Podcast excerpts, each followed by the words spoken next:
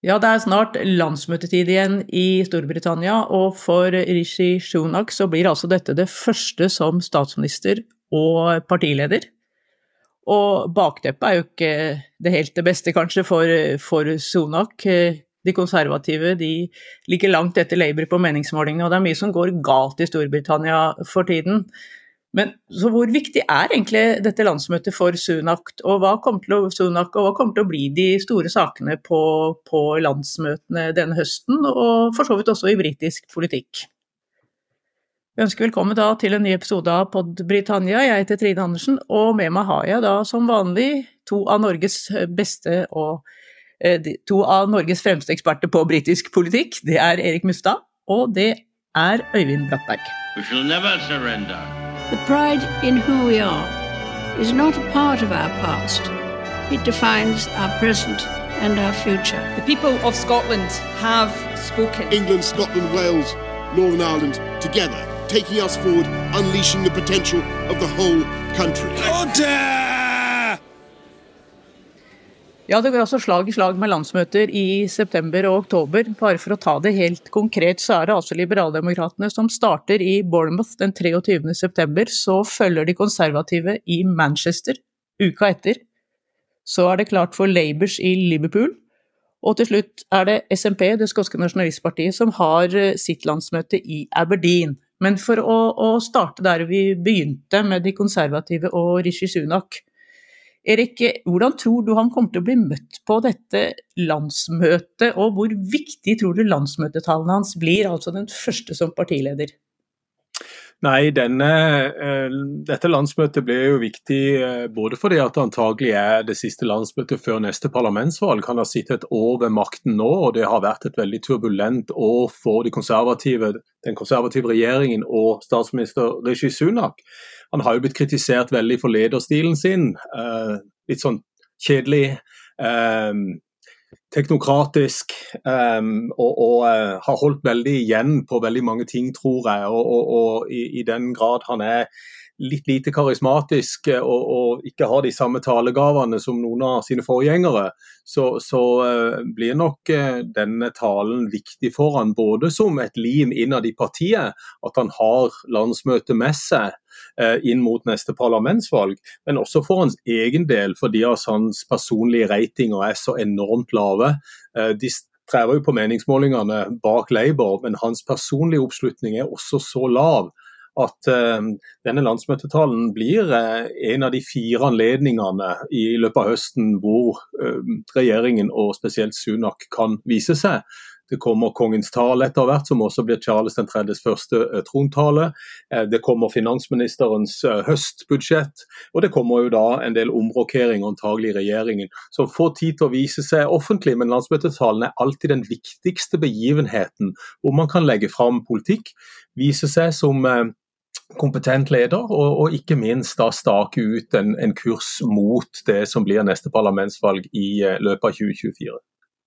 Ja, det er vel også dette landsmøtet, landsmøtetalen som av, pleier å avslutte landsmøtet, så det er vel onsdagen, så vidt jeg husker, at han skal holde mm. talen sin. Uh, men Øyvind, sånn generelt sett, er det, er det, mulig å si noe hvor viktig de britiske, altså landsmøtene i de britiske partiene er? De er jo det er ikke noe valg på dem. De vedtar vel ingenting, men de presenterer sikkert eh, en del utspill. Men eh, eh, sånn, er, det, er det bare ren indremedisin, eller, eller er det mulig å si noe generelt om det?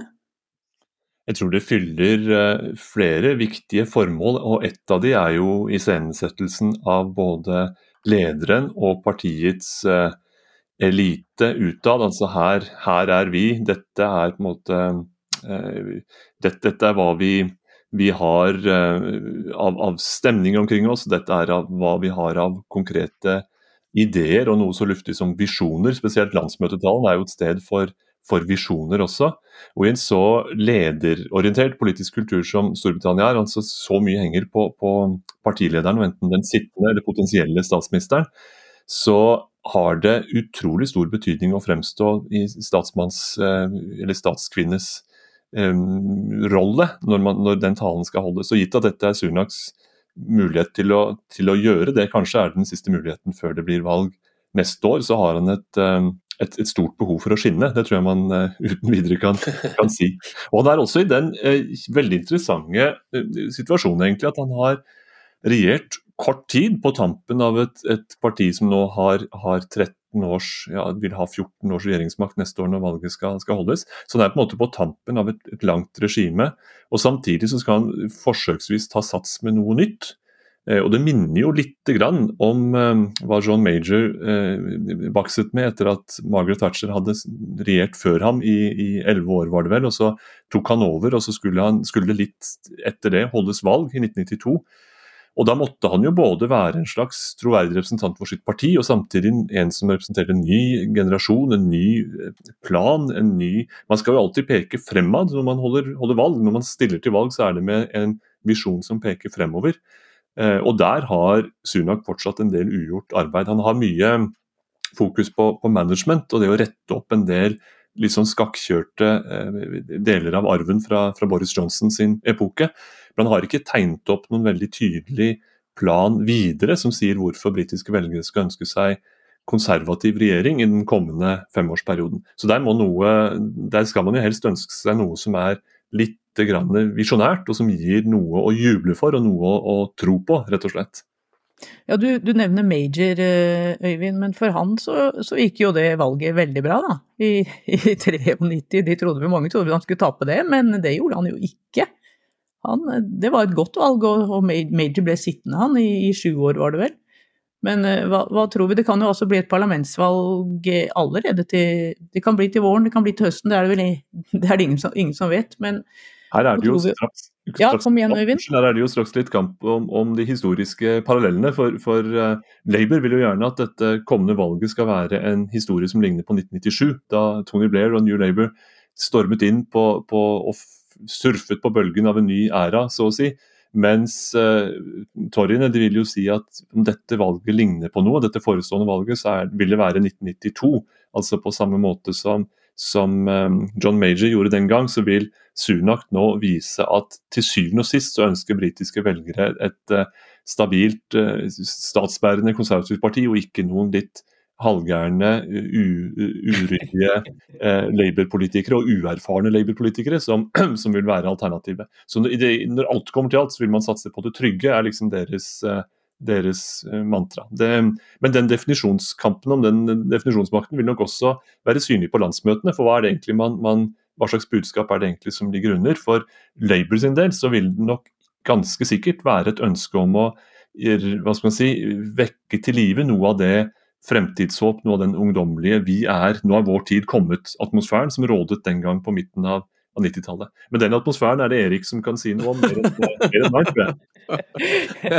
ja, da, da, Jo da, vi kan si noe om det, og det, og det tror jeg nok eh, Labour er klar over. og Vi har jo sett en del bevegelse i Labour nå.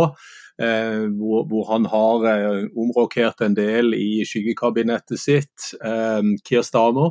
Eh, og dratt inn en del gamle Blair-folk eh, fra 90-tallet og, tidlig 2000-tall. Eh, og det er kanskje for å forberede en mulig maktovertakelse da, ved neste parlamentsvalg. Samtidig så skal de jo ikke være for sikre på seier, for det var Neil Kinnock og Labour i 1992, Øyvind, som vi husker veldig godt da Kinnock gikk på scenen i Sheffield og dumma seg såpass ut at uh, velgerne satt igjen med et stort spørsmålstegn og lurte på kan vi stemme på denne galningen som har stått på scenen her og vært så til de grader apekatt som man ikke burde ha vært. Så her er det mange eh, hendelser som enda fram til valget kan avgjøre hvordan velgerne til syvende og sist stemmer. Men jeg tror denne blandingen som Kier Stamer er i ferd med å gjennomføre nå, av å kanskje klargjøre en del av strukturene i partiet for å mulig overta en regjeringsmakt ved neste parlamentsvalg. Samtidig så skal det hamres inn en del ny politikk. Og, og, Han har jo også gitt klar beskjed til alle som uttaler seg nå, at av, av, fem minutter så skal fire de gå til å fremme egen politikk, vise hva de står for. For eh, på samme måte som Sunak kanskje har behov for å tegne opp et politisk kart, så har iallfall også eh, Kier Starmer og Labour behov for å fortelle velgerne hva er det de vil og hva er det de ønsker, og hva slags fremtidshåp og visjoner eh, har Labour for Storbritannia. Og, Det kommer nok også da Kier Starmer til å snakke om i sin tale, som er verdt å merke seg er etter de konservatives landsmøte, for en gangs skyld. For som regel er det de konservative som har det siste av de to, men denne gangen er det omvendt. Og Det kan godt være en fordel for, for Labour denne gangen at de er etter de konservative. Um, det vil tida vise, eh, fordi at man skal jo ikke bruke nødvendig taletid på å kritisere opposisjonen lenger, men heller rett og slett meisle ut en, en egen politikk og vise velgerne hva de står for. Så Stammer har nok denne balansegangen i mente eh, fram mot landsmøtet, og, og det å, å, kunne tegne et politisk kart. Eh, og så er det jo da Pat McFadden, som, som, var Blairs assistent, som nå har fått ansvaret for kampanjen eh, frem mot neste valg.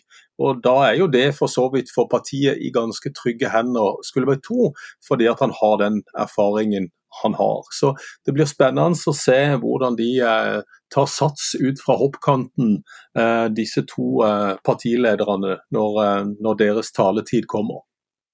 Ja, Det blir jo spennende å se, som du sier, Erik, men vi kan i hvert fall slå fast at jeg tror ikke noen kommer til å karakterisere Keir Starmer som en apekatt, altså. Så, Nei, det tror jeg heller, for han er jo også en seriøs teknokrat på mange måter. Så, så det er jo liksom eh, den ene mot den andre her. Eh, Sunak mot, eh, mot Starmer. Det er, det er liksom ikke verken Cameron eller Boris Johnson eller Margaret Thatcher for den saks skyld, eller Tony Blair på den andre sida for den saks skyld. Så, så, det er klart at de har jo litt å bevise. For hvis ikke de har disse talegavene og denne karismaen og den appellen som en del av disse vi nevnte nå, har, så er det andre ting de må fokusere på. Da må de iallfall kunne levere på politikk, og de må eh, begi seg rundt med et team med folk som kan eh, prate på deres vegne også. For både Sunak og, Stamer er nok avhengig av at de har gode folk rundt seg for å artikulere den politiske plattformen som de ønsker å bygge nå, frem mot neste valg. Men vi har jo snakket mye om disse rivningene som er spesielt av de konservative partiene, som også for så vidt har vært i, i, i, Labour, og spesielt da under Corbyn. Men ser vi tendenser til at det har roet seg noe i de to store partiene? Vet ikke hvem som vil svare på det? Erik? Nei, Øyvind kanskje?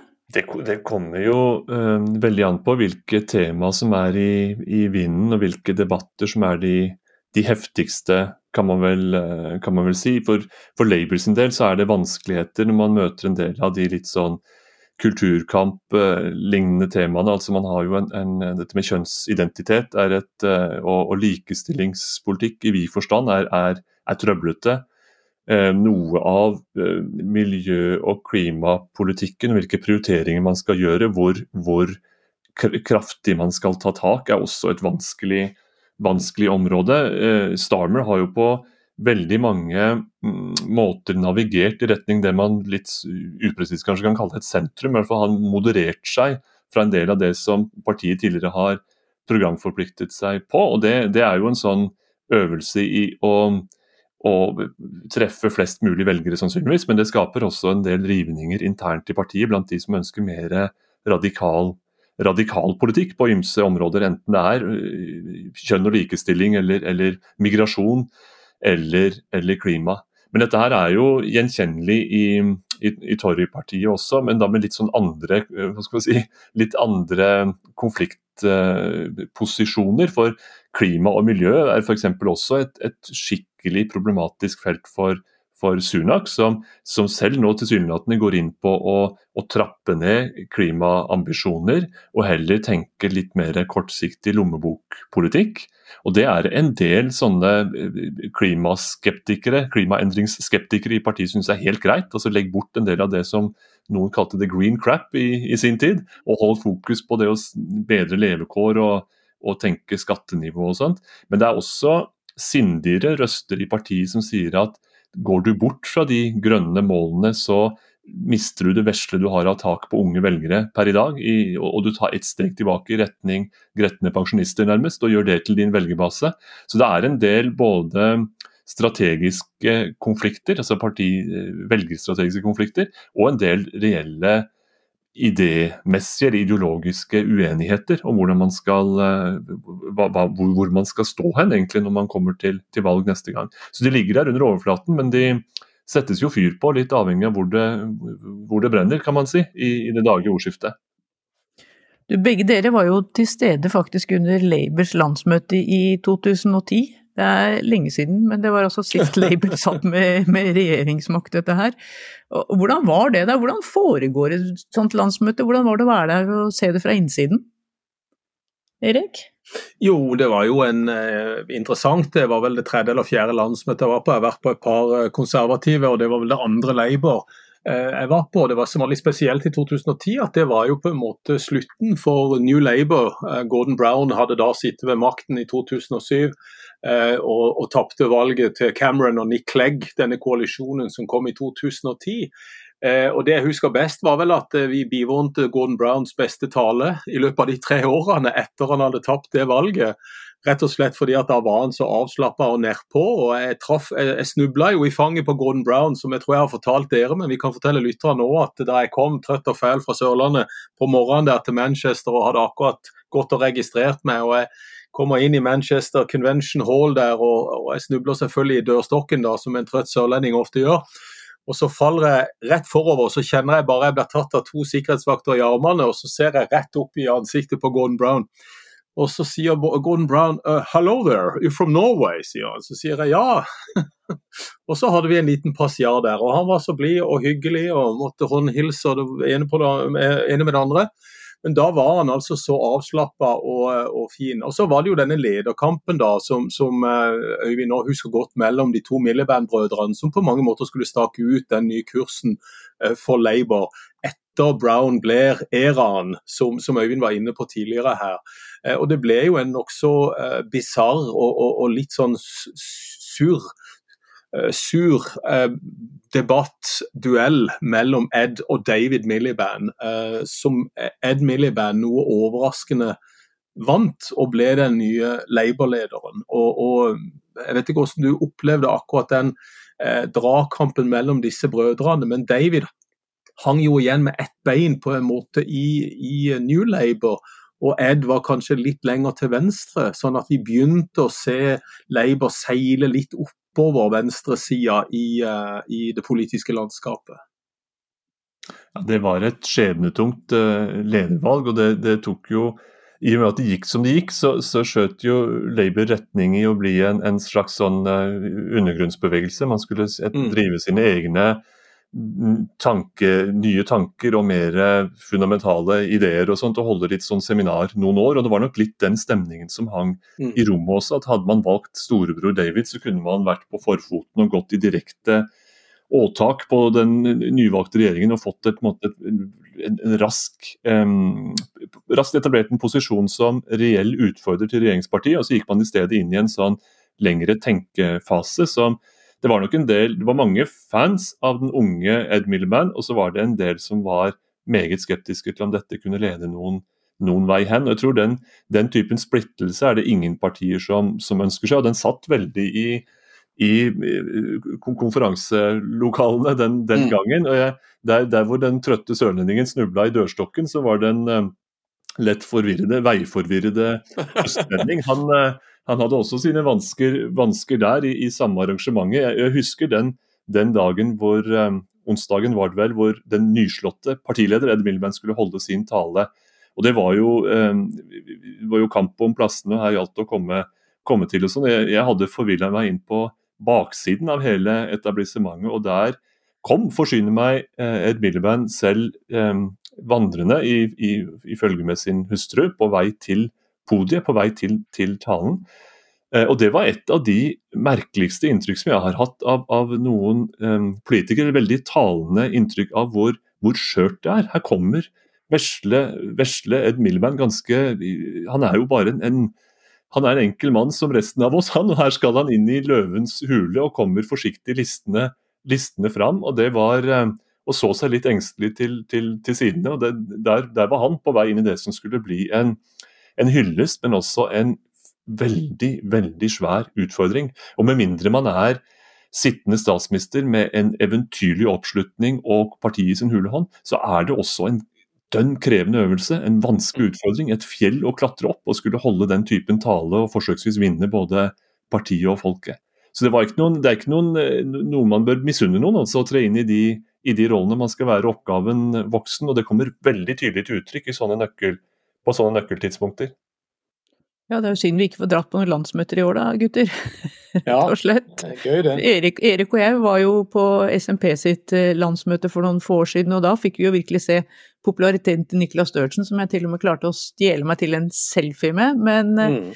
skal vi snakke litt grann til slutt kanskje om eh, det skotske nasjonalistpartiet SMP, fordi de skal jo også ha landsmøte. Det, altså de avslutter denne landsmøtesesongen den 15. til 17. oktober med et parti som er under politietterforskning. Det er ikke enkelt, det har ikke vært noen enkle første måneder for eh, den nye partilederen Hamza Josef, eh, Erik? Nei, det har jo vært et eh, fullstendig kullseilas fra SMP nå i løpet av det siste halve året. Og eh, Nicola Sturgeon eh, har jo nå talt i eh, Hollywood eh, for første gang eh, etter hun eh, ble arrestert og løslatt igjen eh, for disse finansielle etterforskningene som pågår eh, i, i Skottland. Hamza Josef har fått en veldig tung start, og er ikke heller den politikerkapasiteten som Nicola Sturgeon var eh, og er. Eh, Så SMP har dalt 20 prosentpoeng på meningsmålingene, ligger nå jevnt med Labour, så er på de siste meningsmålingene eh, og ser en et snitt av målingene eh, over sommeren, eh, så ligger altså Labour på ca. 35-36 og SMP på 37-38.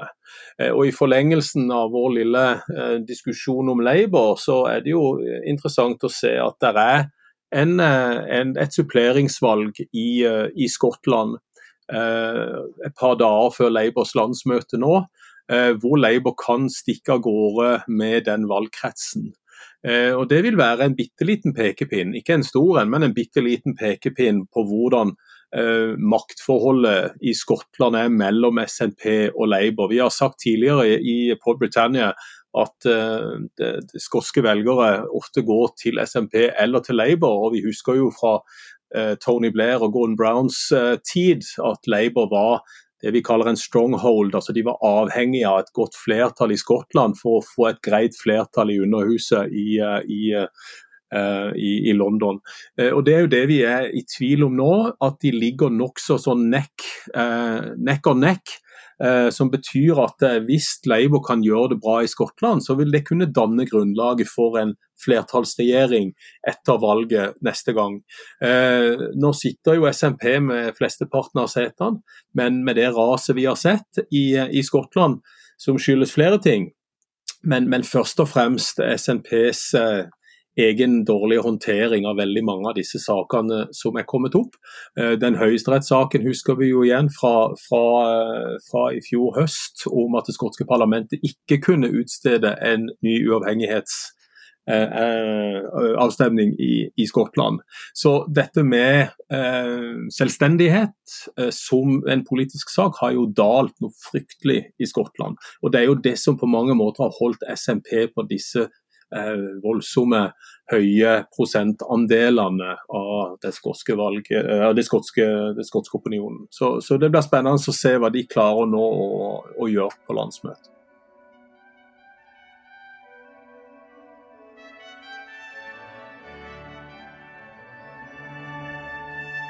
We shall never surrender. The pride in who we are is not a part of our past. It defines our present and our future. The people of Scotland have spoken. England, Scotland, Wales, Northern Ireland, together, taking us forward, unleashing the potential of the whole country. Order!